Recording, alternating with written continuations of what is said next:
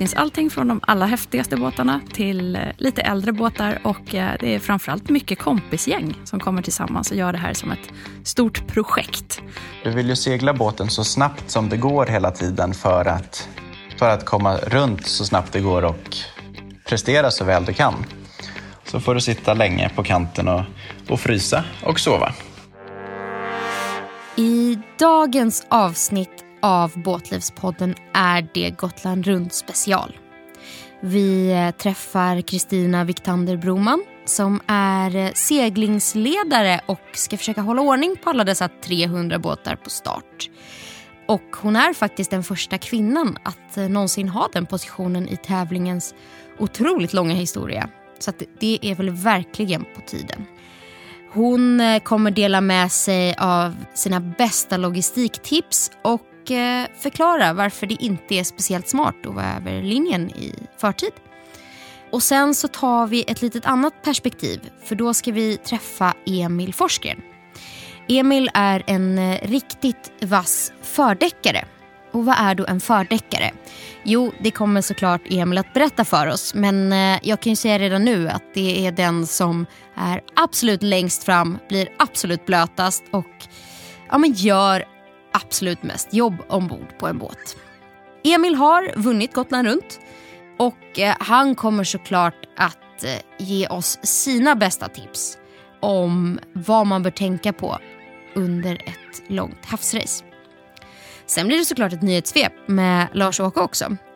Det blir eh, elbåtar, Hallberg Rassis nya flaggskepp och eco-driving på sjön. Ja, men nu kör vi. Jag heter Hanna Hellberg och detta är Båtlivspodden.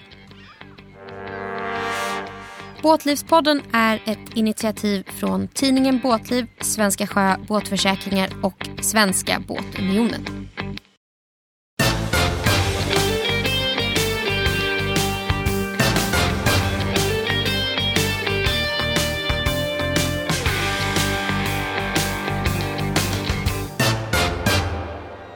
Välkommen till poddstudion Kristina. Tack Hanna! Vad kul att ha dig här. Jätteroligt att få vara här. Ja, och jag är nästan chockad över att du hann komma hit. Jaså, vadå då? Nej, men det är ju det är nästan bara två veckor kvar. Ja, ja, ja. Det är intensivt just nu. Ja, för det är ju så att eh, när den här podden går live så är det ja, typ två och en halv vecka kvar till eh, årets största seglingshändelse. Oh, visst ska det bli spännande. Ja, Gotland runt. Gotland runt och VM i double-handed. Exakt, så Gotland runt i år är ju faktiskt ännu större än vad det brukar vara. Stämmer, och det är väldigt, väldigt många som vill vara med. Ja. Mm. Har ni fått eh, tacka nej till folk? Ja, vi fick eh, stänga anmälan eh, innan ja, sista anmälningsdatum för att vi hade så många båtar helt enkelt.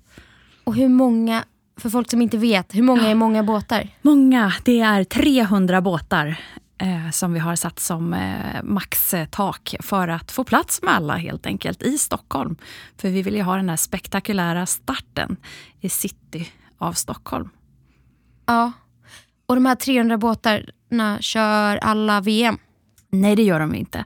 Så att just nu så har vi 89 båtar eh, som är klara för VM. Och eh, de övriga, lite över 200 då, de eh, kommer köra Gotland runt i lite olika typer av klasser. Mm. Skiljer sig VMet från Gotland runt? Kör de någon annan bana? Eller vad är det som... Liksom? Nej, VM-båtarna det är ju en double-handed. Det innebär att man är två personer ombord. Eh, och det är första gången man kör VM i double-handed och det är superkul att den får komma hit helt enkelt. Seglar de samma bana som de andra? Ja, det stämmer. De seglar exakt samma bana. Jo, men det här fältet på 300 båtar, Ja. Eh, är det bara svenska båtar? Nej, det är hela elva nationaliteter som vi har anmälda. De flesta är runt ifrån eh, Östersjön eh, och Östersjönationerna såklart eftersom man behöver transportera sin båt till oss. Men vi har faktiskt en australiensare med. Men de har båten här men är från Australien så det är superkul. Australiensisk flaggad båt? Jajamän. Coolt. Mm. Ja. Jo men Gotland runt namnet på tävlingen förklarar ju lite om banan. Men det är ju inte bara att runda Gotland hur som helst. Utan vi startar in i stan Ja, stämmer. Och sen så har vi en eh, skärgårdssträcka som brukar vara ganska spektakulär för eh, de som eh, kommer från andra länder som kanske inte har en skärgård. Eh, så det är, är, är spännande, eh, men kan också vara utmanande eh, i sig innan man kommer ut ute på havet och sen seglar vi nonstop runt om då hela Gotland och sen så går vi i mål tillbaka då inne i Sandhamn. Mm, som ligger mellan skärgården? Ja, eller yttre mellanskärgården kan man väl säga. Ja. Sådär, på yt- yttre kanten där. Och eh, där är det eh, ja, en seglingsmecka kan man väl säga. Sveriges eh, seglingsmecka, i alla fall på ostkusten. Mm. Så att, eh, där eh, finns det ja, mycket go- håll igång oftast när man kommer, kommer in. Man brukar vara ganska peppad på att fira när man kommer i mål efter ett långt havsrace. Ja, det är det verkligen. Och det är otroligt roligt att gå och prata med folk när de kommer in och är glada. Så vi brukar alltid bjuda på någonting eh, att äta eller så, om man till exempel kommer in mitt i natten. Så ut till Alma, ner runt Gotland, Ner förbi runt Gotland. Visby Ja, och hem. precis. Stämmer. Och det låter ju väldigt långt nu när man pratar om det sådär, men hur långt är det egentligen? Ja, det beror ju på hur fort man seglar och eh, vilket typ av väder det är, eller hur? Ja, verkligen. Eh, Så har man ju alltid med segling. Men eh, 300 distansminuter. Ja, 350 distans ungefär. Och det är då för icke-båtspråk ungefär 600 kilometer. Ja, någonstans i krokarna där. 60 mil. Mm. Och det tar... Lite drygt, kanske två till tre dagar. Beroende på- på... hur snabb man är. Och det finns ju en tendens just nu att båtarna blir bara snabbare och snabbare med ny teknik.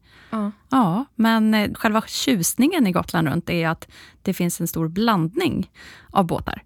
Så att det, det finns allting från de allra häftigaste båtarna till eh, lite äldre båtar och eh, det är framförallt mycket kompisgäng som kommer tillsammans och gör det här som ett stort projekt för, ja, för gänget helt enkelt. ja, men segling är ju så komplext i det här att det kan ta superlång tid eller superkort tid beroende på vad Älos, vindguden, bestämmer sig för. Vad är det längsta någon har hållit på med? Jag tror att det längsta någon har hållit på med, det är någonstans till onsdag kväll, vad jag vet i alla fall.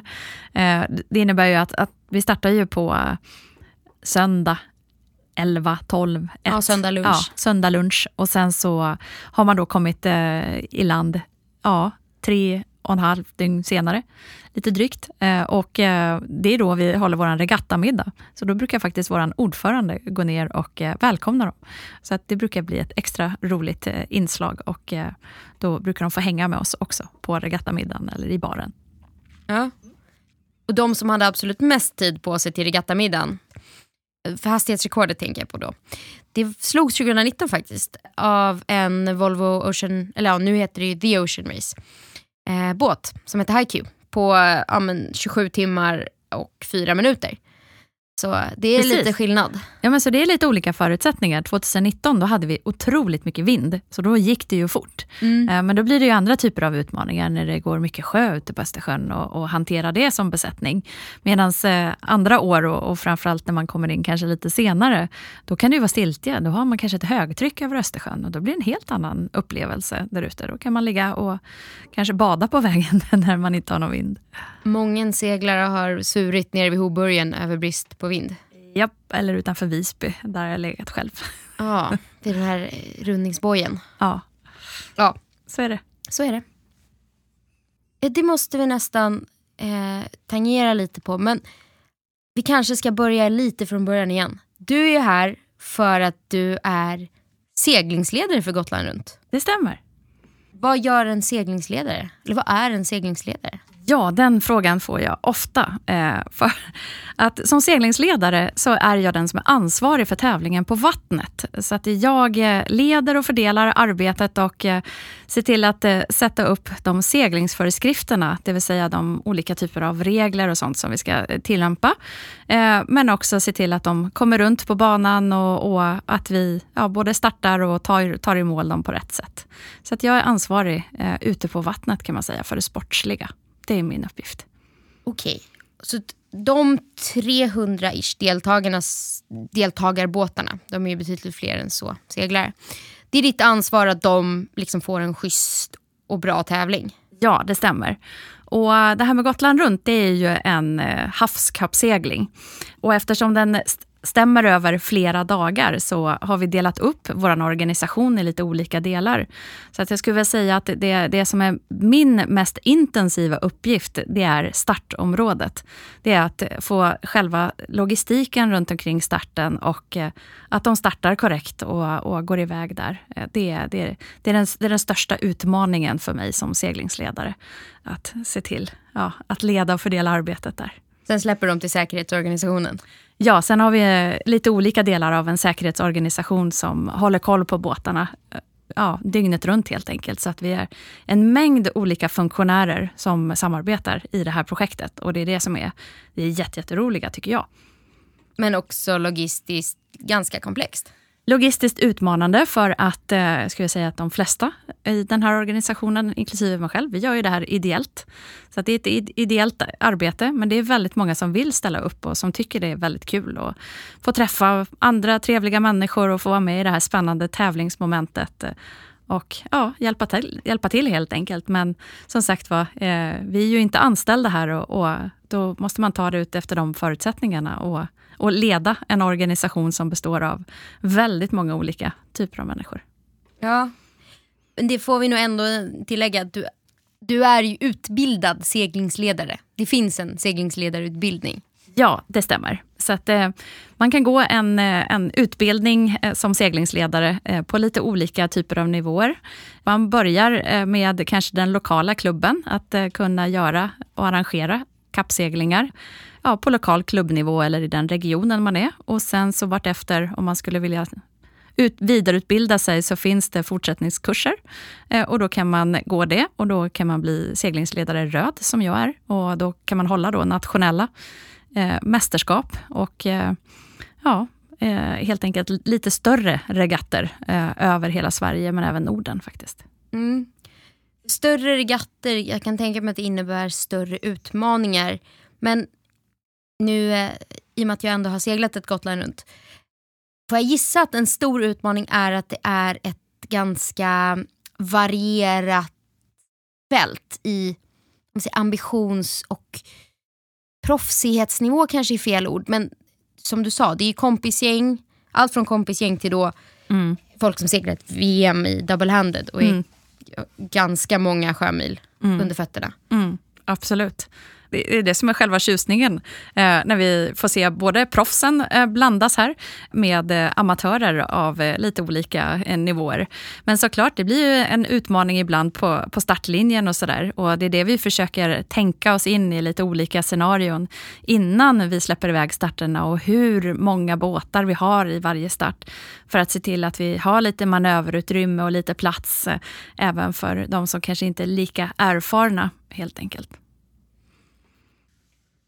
Men du pratar om olika startgrupper och logistiska utmaningar. Men för någon som inte har deltagit i en kappsegling, hur funkar en start? Ja, Eh, en, eh, det här med segling är ju eh, en spännande sport för att vi har ju inte som en fotbollsplan där man har linjer och ett definierat område där, där, man, där man ska vara. helt enkelt. Utan det är lite beroende på vilken, vilken tävling det är som, som jag, jag får helt enkelt sätta upp den här banan. Får dra de här linjerna men som i, i verkligheten är, består av olika typer av märken eller öar som vi ska, ska segla runt eller ja, så det är lite så eh, jag, jag får, får fundera och, och, och, tänka helt enkelt som seglingsledare. Att var någonstans eh, lägger vi banan för att det ska vara så säkert som möjligt eh, och sådär. Så att eh, banläggning, eh, det är en del av det hela.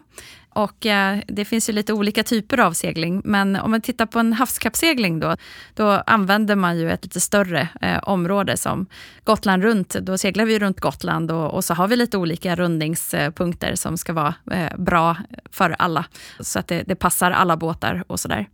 Men eh, jag arbetar också som, som seglingsledare med att eh, leda och fördela arbetet på då startfartyget. Det vill säga att när man ska göra en start så har man en startlinje. Så att då har vi som två stycken bojar som man kan tänka sig att det är en linje emellan och det är startlinjen och den ska passeras då när starten går. Och det gäller för mig att kommunicera med alla deltagare så att eh, de förstår exakt när starten ska gå. Eh, så att jag räknar ner på VHF. Så att det som är väldigt bra i dagens läge är att vi har ju mycket bra mm, ja, kommunikationsmedel. Så att vi kan göra oss eh, förstådda ifrån startfartyget också. Självklart så finns ju allting beskrivet i, i dokumentation och sådär. Men ibland så när man är ute där på vattnet och kanske sitter i sin båt, och, då, då kan det vara bra att ha någon som guidar en. Och jag guidar där ute helt enkelt.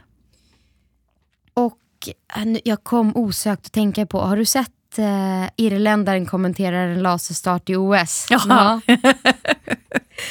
du får nog förklara den. ja, nej, men jag tänker att vi ska hålla på den, men jag ska länka ja. till den i vår eh, Instagram. Ja. För då, i den i alla fall, så ligger de ju och väntar innan starten går. Ja. ja. Um, för det är ju så att man viftar med flaggor. Ja. Det gör man faktiskt, det låter banalt men man, man hejsar upp flaggor och som då markerar när startskottet ska gå. Och är man på fel sida så får man straff, eller? Ja. Om, man liksom tjuvstartar. Om man tjuvstartar, precis. Eh, då måste man i normala fall gå tillbaka och eh, helt enkelt eh, starta om. Eh, men där finns det ju en, en uppsjö också med saker som jag kan göra som seglingsledare. Eh, men eh, det är ju kanske till exempel om man har väldigt många jollar till exempel på en startlinje. Där kan, kanske det kan vara 30, 40, 50, upp till 80 80 jollar och sådär och hålla reda på. Och de är väldigt heta och ivriga på, på starten. Då kan jag skärpa startregeln, som det heter. Så att då kan jag sätta upp en annan typ av flagga, till exempel en svart flagga som gör att man får absolut inte vara bara över eh, startlinjen under den sista minuten, för då blir man diskvalificerad under det racet.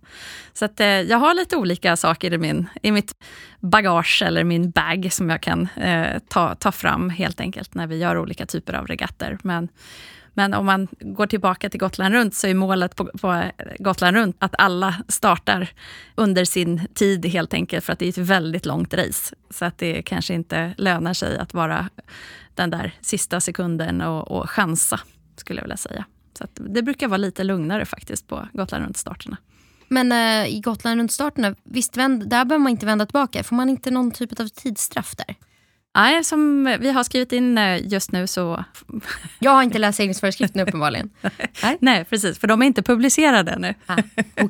så att vi kanske ska vänta med den tills vi har publicerat dem 100 procent. Okej, okay. mm. då, då, får vi ha en cliffhanger här. Ja. Men till alla som lyssnar och som ska segla Gotland runt läs seglingsföreskrifterna. Det är väldigt, väldigt viktigt. Det är dagens tips. För att det, det, det, blir alltid lite saker som vi justerar år efter år.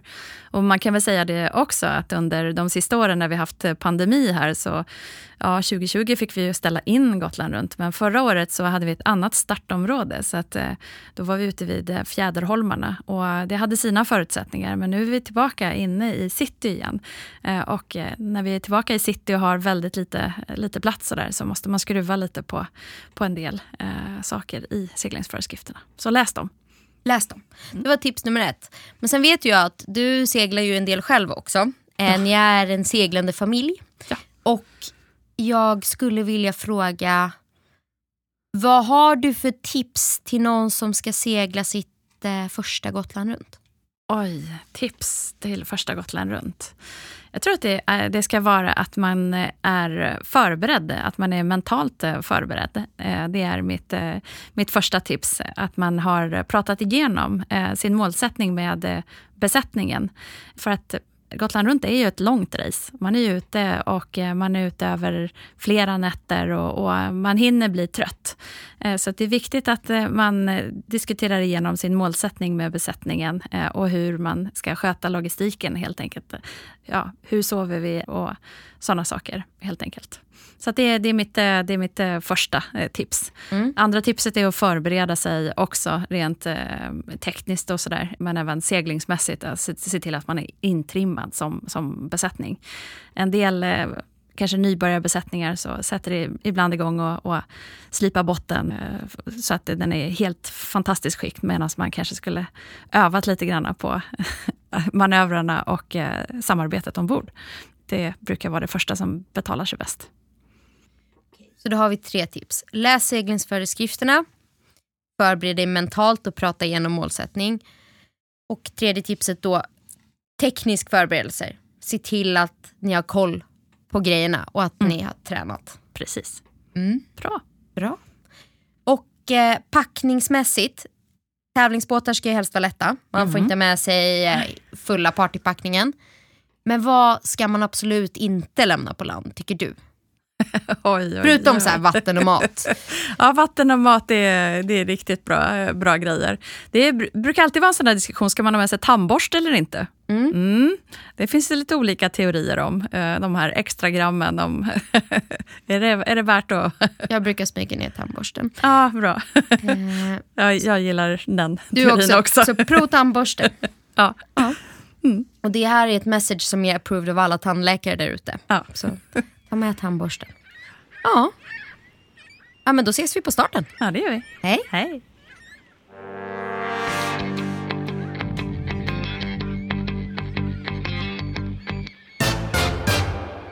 Hej och välkommen till Båtlivspodden, Emil. Hej, tack så jättemycket.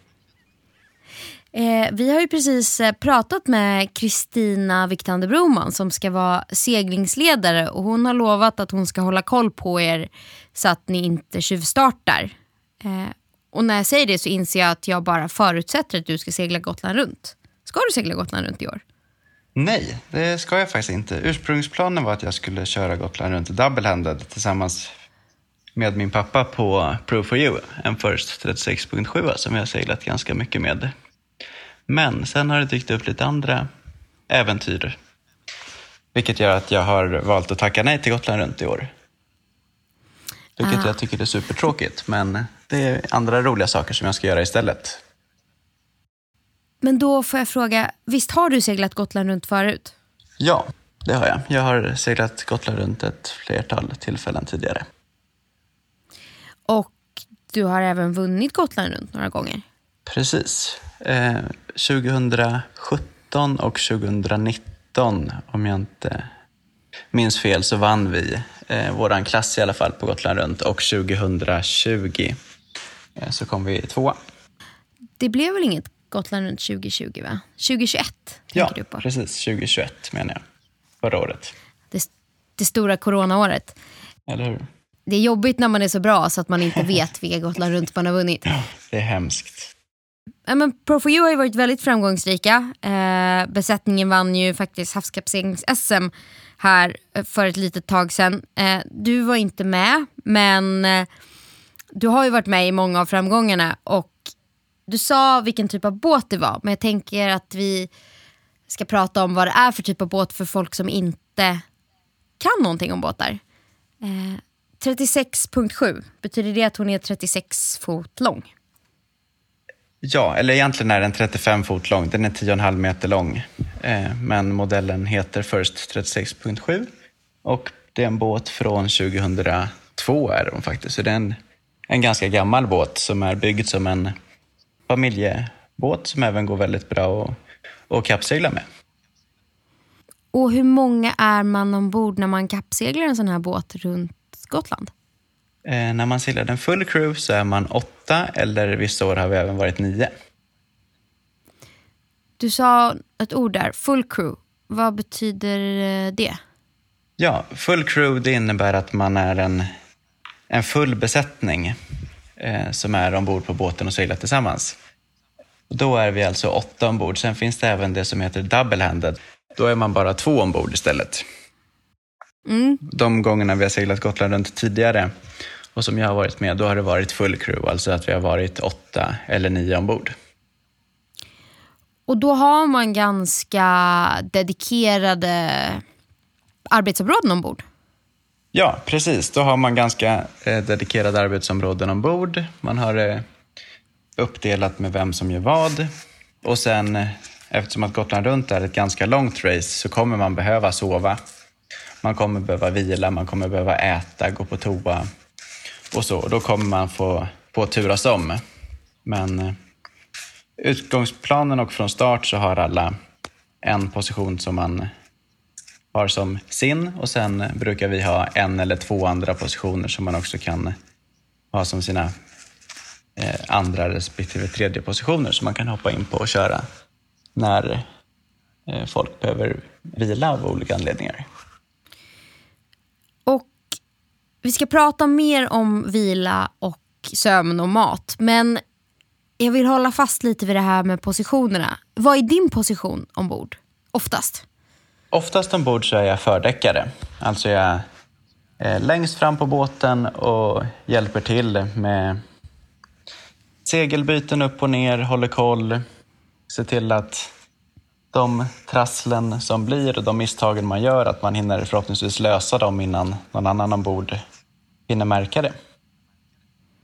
Trasslar det alltid ombord på båtar? På ett eller annat sätt så ja, det, det sker alltid saker. Målet är att det inte ska trassla sig. Eh, men framförallt under ett längre race som Gotland runt när det kan bli flera olika typer av, av manövrar. Man kan plocka ner på olika sätt och göra olika, olika varianter så är det stor risk att det någon gång under racet blir, blir något litet fel. Det sker inte alltid, men eh, någon gång ibland sker det.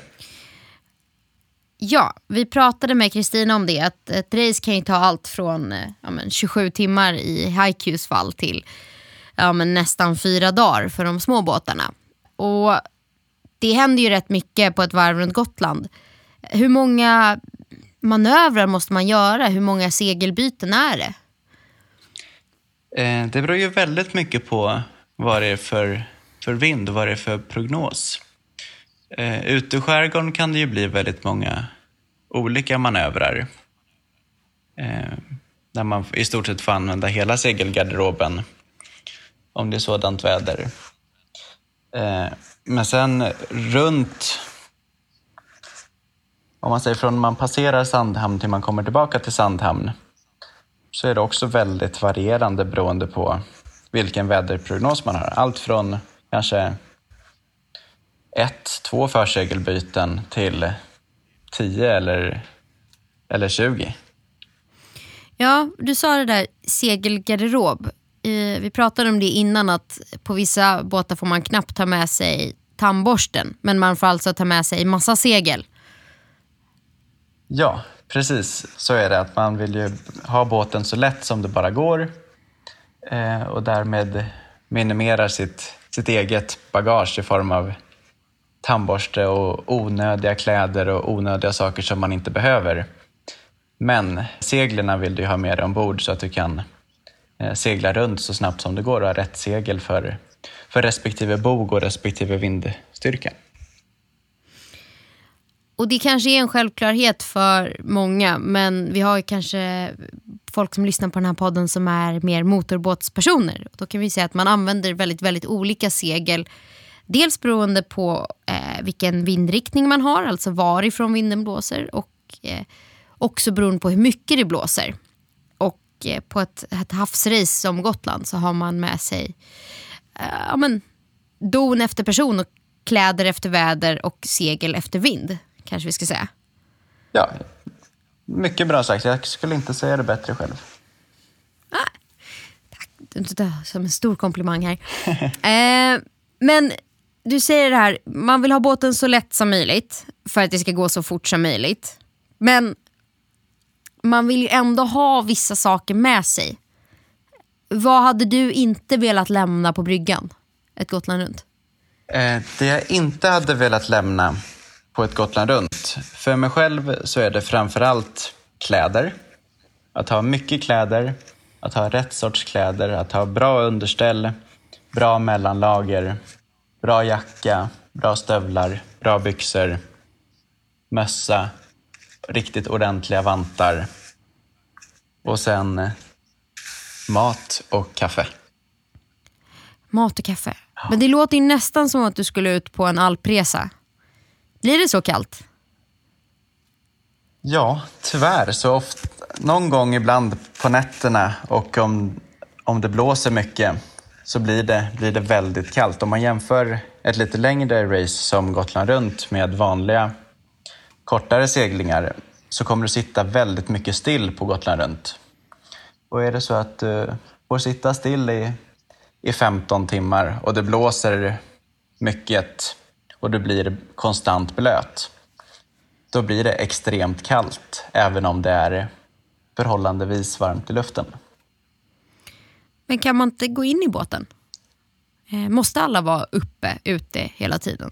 De som vilar kan väl gå ner och lägga sig? Eh, det där är lite beroende på varifrån det blåser. Du vill ju segla båten så snabbt som det går hela tiden för att, för att komma runt så snabbt det går och prestera så väl du kan. Och då har du tyvärr inte möjlighet under alla, under alla väderförhållanden att, att gå ner, för då vill man sitta uppe på kanten och hänga så mycket man kan för att båten ska få så mycket rätande moment och därmed också kunna segla så snabbt som det går. Så man sitter alltså och sover på kanten? Ja, ibland så, så får du sitta länge på kanten och, och frysa och sova. Det låter ju inte jättebekvämt. Nej, det, det är det väl inte. Det är ganska många gånger när man har kommit i mål där man sitter och funderar varför man egentligen har gjort det här. Men just att det har varit kallt, det har varit blött, man har varit extremt trött och hungrig. Men eh, Ja. uppenbarligen så gör man det igen. Ja, du spelar ju faktiskt, du är inte i studion, du är i Tallinn för att du ska segla ännu mer. Precis. Är det det enda du gör just nu, seglar? Ja, i stort sett får jag väl säga. Betyder det att du, seglingen är ditt jobb numera? Eh, nej, det är det inte. Jag är inte proffs, och jag har det inte som jobb. Men eh, i stort sett så... Ja, jag, jag passar på när jag är ung och seglar så mycket jag kan. Och just nu under, under våren, sommaren här så har jag haft förmånen att få segla väldigt mycket. Vilket jag tycker är extremt kul. Jag är väldigt glad över det och tar alla chanser jag får för att göra roliga saker och uppleva coola platser och coola båtar. Ja, för vi har ju pratat väldigt mycket om Gotland och om Malin som är den båten som eh, du har seglat flest Gotland på. Yes. Och det här är ju en Gotland runt special. Men vad, du pratar om andra båtar. Vad seglar du när du inte seglar Gotland runt? För det kan man ju faktiskt bara göra en gång om året. När jag inte seglar Gotland runt så seglar jag ju på den här Malin, First 36.7 eh, Eh, till vardags. Där seglar vi en hel del hemma i, i Stockholm i Saltsjöbaden och kappseglingar runt om Stockholmsområdet. Du nämnde nyligen att vi seglade SM eh, för någon vecka sedan där vi lyckades vinna. Eh, Även om jag inte var med. Sen seglade jag på en J70 som är en lite mindre båt, sju meter, som man är fyra ombord på. Och sen seglade jag på en Svan 50, lite grann som en större båt då nere, i- eh, nere i Medelhavet. Samt att SSL har jag fått förmånen att vara med en del på. Där man seglar på RC44. Ja, med SSL så menar ju du då Star Sailors League, gissar jag. Eh, som är en, en nationell, ja, men lite som fotbolls-VM fast för båtar. Ja, precis. Han som har det har... Eh, visionen är att det ska bli som fotbolls-VM fast i segling. Man ska samla alla de bästa från olika klasser eh, som har vunnit och samla dem så att de får mötas och göra upp om vem som faktiskt är bäst.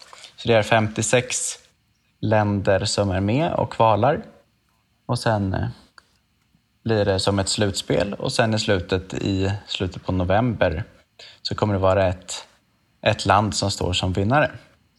I varje team så är man 11, precis som man är i, i fotboll. Och där har jag nu fått, fått vara med som fördäckare. Så fördäckare är din eh, specialitet ombord.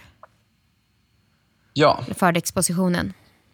Ja, på de, på de flesta båtarna så är jag, är jag fördäckare. På J70 så är jag inte fördäckare, utan där trimmar jag bock och genacker.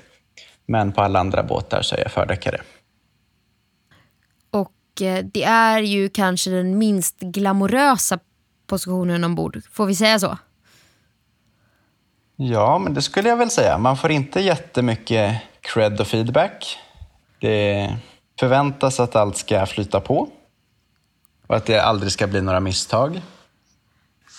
Eh, man sitter oftast längst fram på båten, blir kallast, får ta mest vind och mest vatten och vågor för de där bak. Så det, nej, det är väl inte den mest glamorösa positionen ombord kanske. Nej, och då kan man ju förstå att det är värt att packa med sig alla kläder som finns. Eh, men jag vill ändå plocka upp det här du sa om mat och kaffe. För att när man är ute i några dygn så är det ju det här, det är viktigt med kosthållningen. Man blir ju inte en bättre seglare om man är hungrig, grinig och trött. Och äta kan man ju faktiskt göra. Så vad är ditt favoritsnacks? Vad hittar man i dina seglarbyxor? Eh, vanligast skulle jag säga är att du hittar en, någon form av energibar eller en morot. En morot? Ja, eller två. Det sitter du och knaprar på på reelen alltså? Ja, morötter är en av mina specialiteter på, på lite längre transporter och havsseglingar. Havskappseglingar. Intressant. Ja. Ja, då är det väl kanske det vi skickar med de som ska segla sin första långa havskappsegling. Ta med er ordentligt med kläder så att ni inte fryser och packa ner en morot i fickan. Och ett sista ord. Slutligen måste jag få säga att ni som gör ert första Gotland runt, ta alla tillfällen ni får att, att vila, oavsett om det är uppe eller nere. Så försök att stänga ögonen och blunda och vila, för ni vet aldrig när ni får, får vila nästa gång. Mycket, mycket kloka ord. Jag var alldeles för snabb där på att sammanfatta. Men då gör jag ett försök till. Varma kläder, morötter och vila. Ja. Tack för att du var med, Emil. Tack. Tack så jättemycket. Ny vecka, nya nyheter. Lars-Åke, jag har hört att det finns lite nya spännande saker att berätta om eh, eldrivna båtar på sjön. Ja visst, det har hänt en hel del. Alltså själva området när det gäller, eller ämnet med eldrivna båtar är ganska hett. Det säljs inte så många eldrivna båtar men det är väldigt stort intresse för det och det tyder väl på att det är rätt vad det kan lossna och sen så kommer det ganska många sådana här båtar. Eh, och samtidigt så är det ganska många företag också som försöker etablera sig. Det är rätt så många av dem som är tämligen okända. Man undrar lite, kan de verkligen bygga båtar eller är de ingenjörer som sätter in elmotorer i någonting annat? För själva elmotortekniken i sig är ju väldigt gammal, men vi får väl se. Det kanske löser sig med tiden, det brukar det göra. Så är det ju likadant på bilsidan där.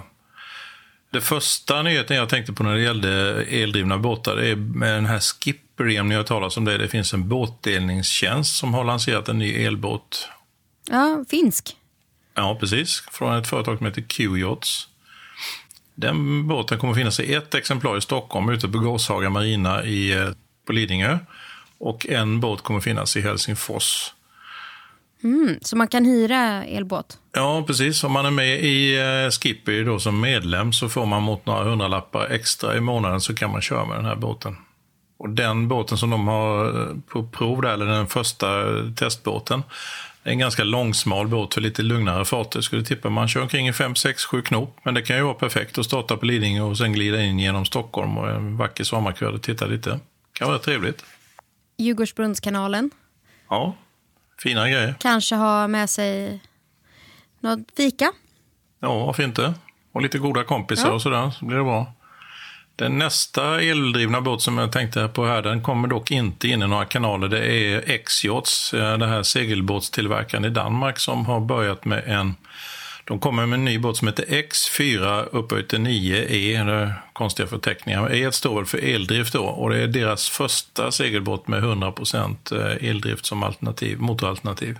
Aha. Det kommer ju även där, vi har sett Arcona har gjort det tidigare och nu kommer X-Yachts som liknar dem ganska mycket då med.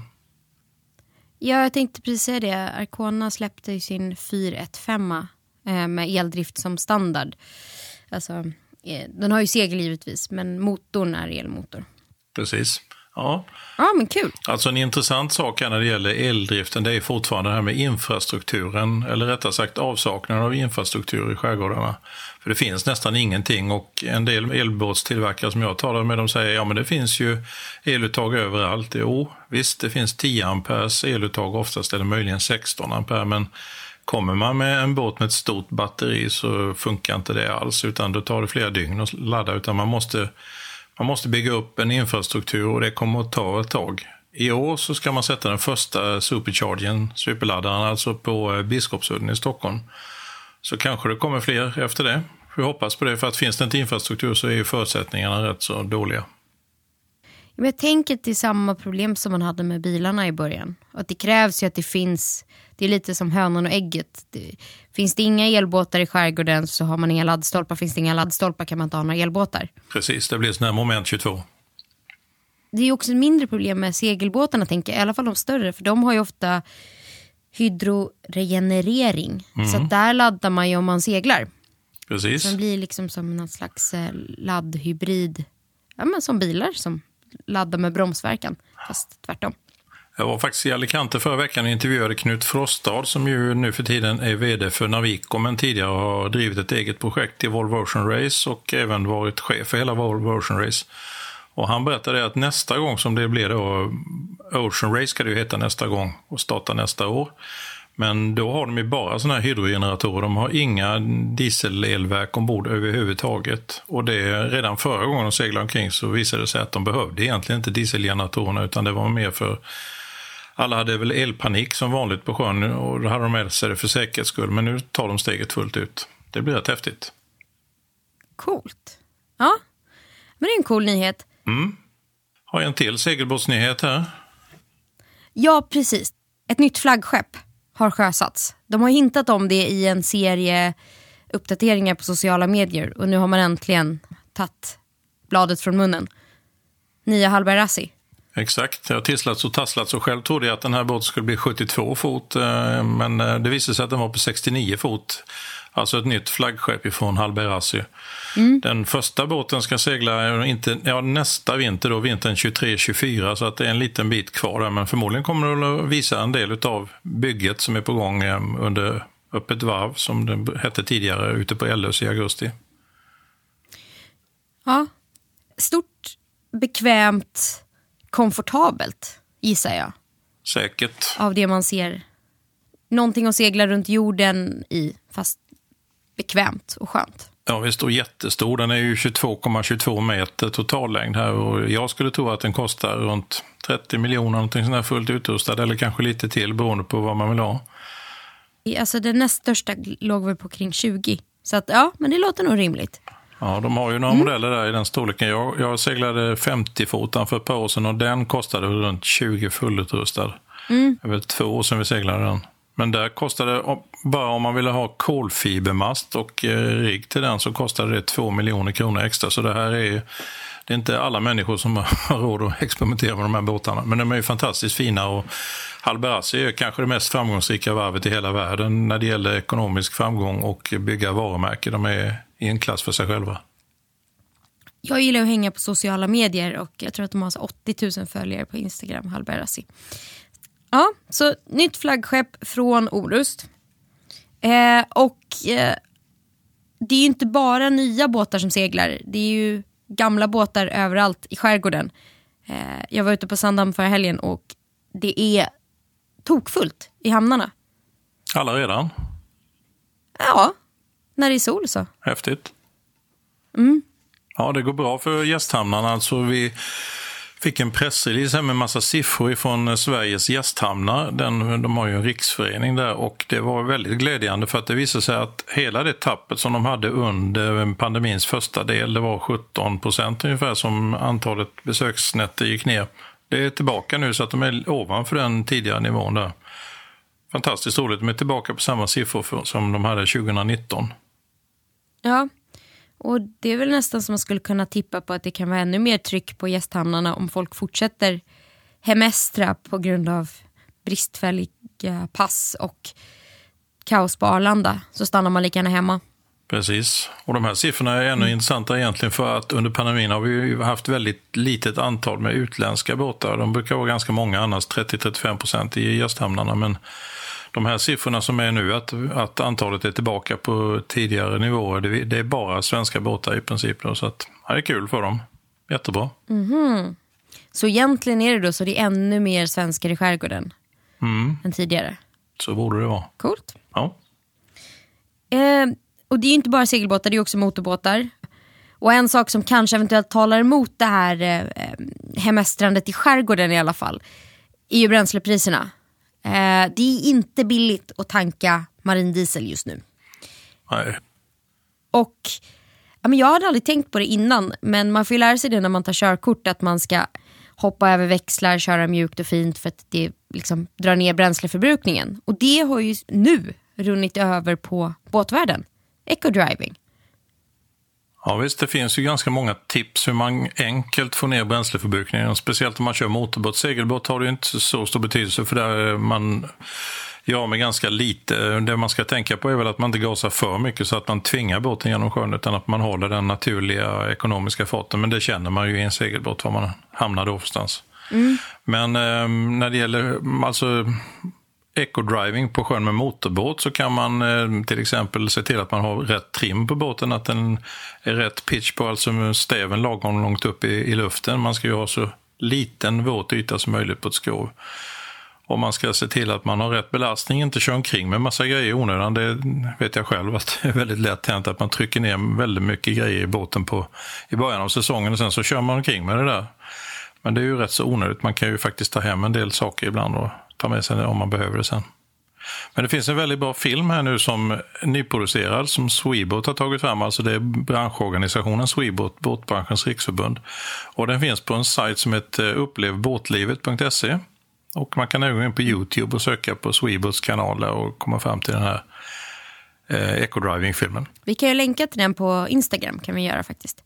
Det kan vi göra. Eh, mm. Ja, jag länkar den på Instagram. Bra tips. Och om man lyssnar men inte följer vår Instagram, att Batlivspodden, så kan man göra det. För där släpper vi liksom bonusinformation till podden. Så det är tips också.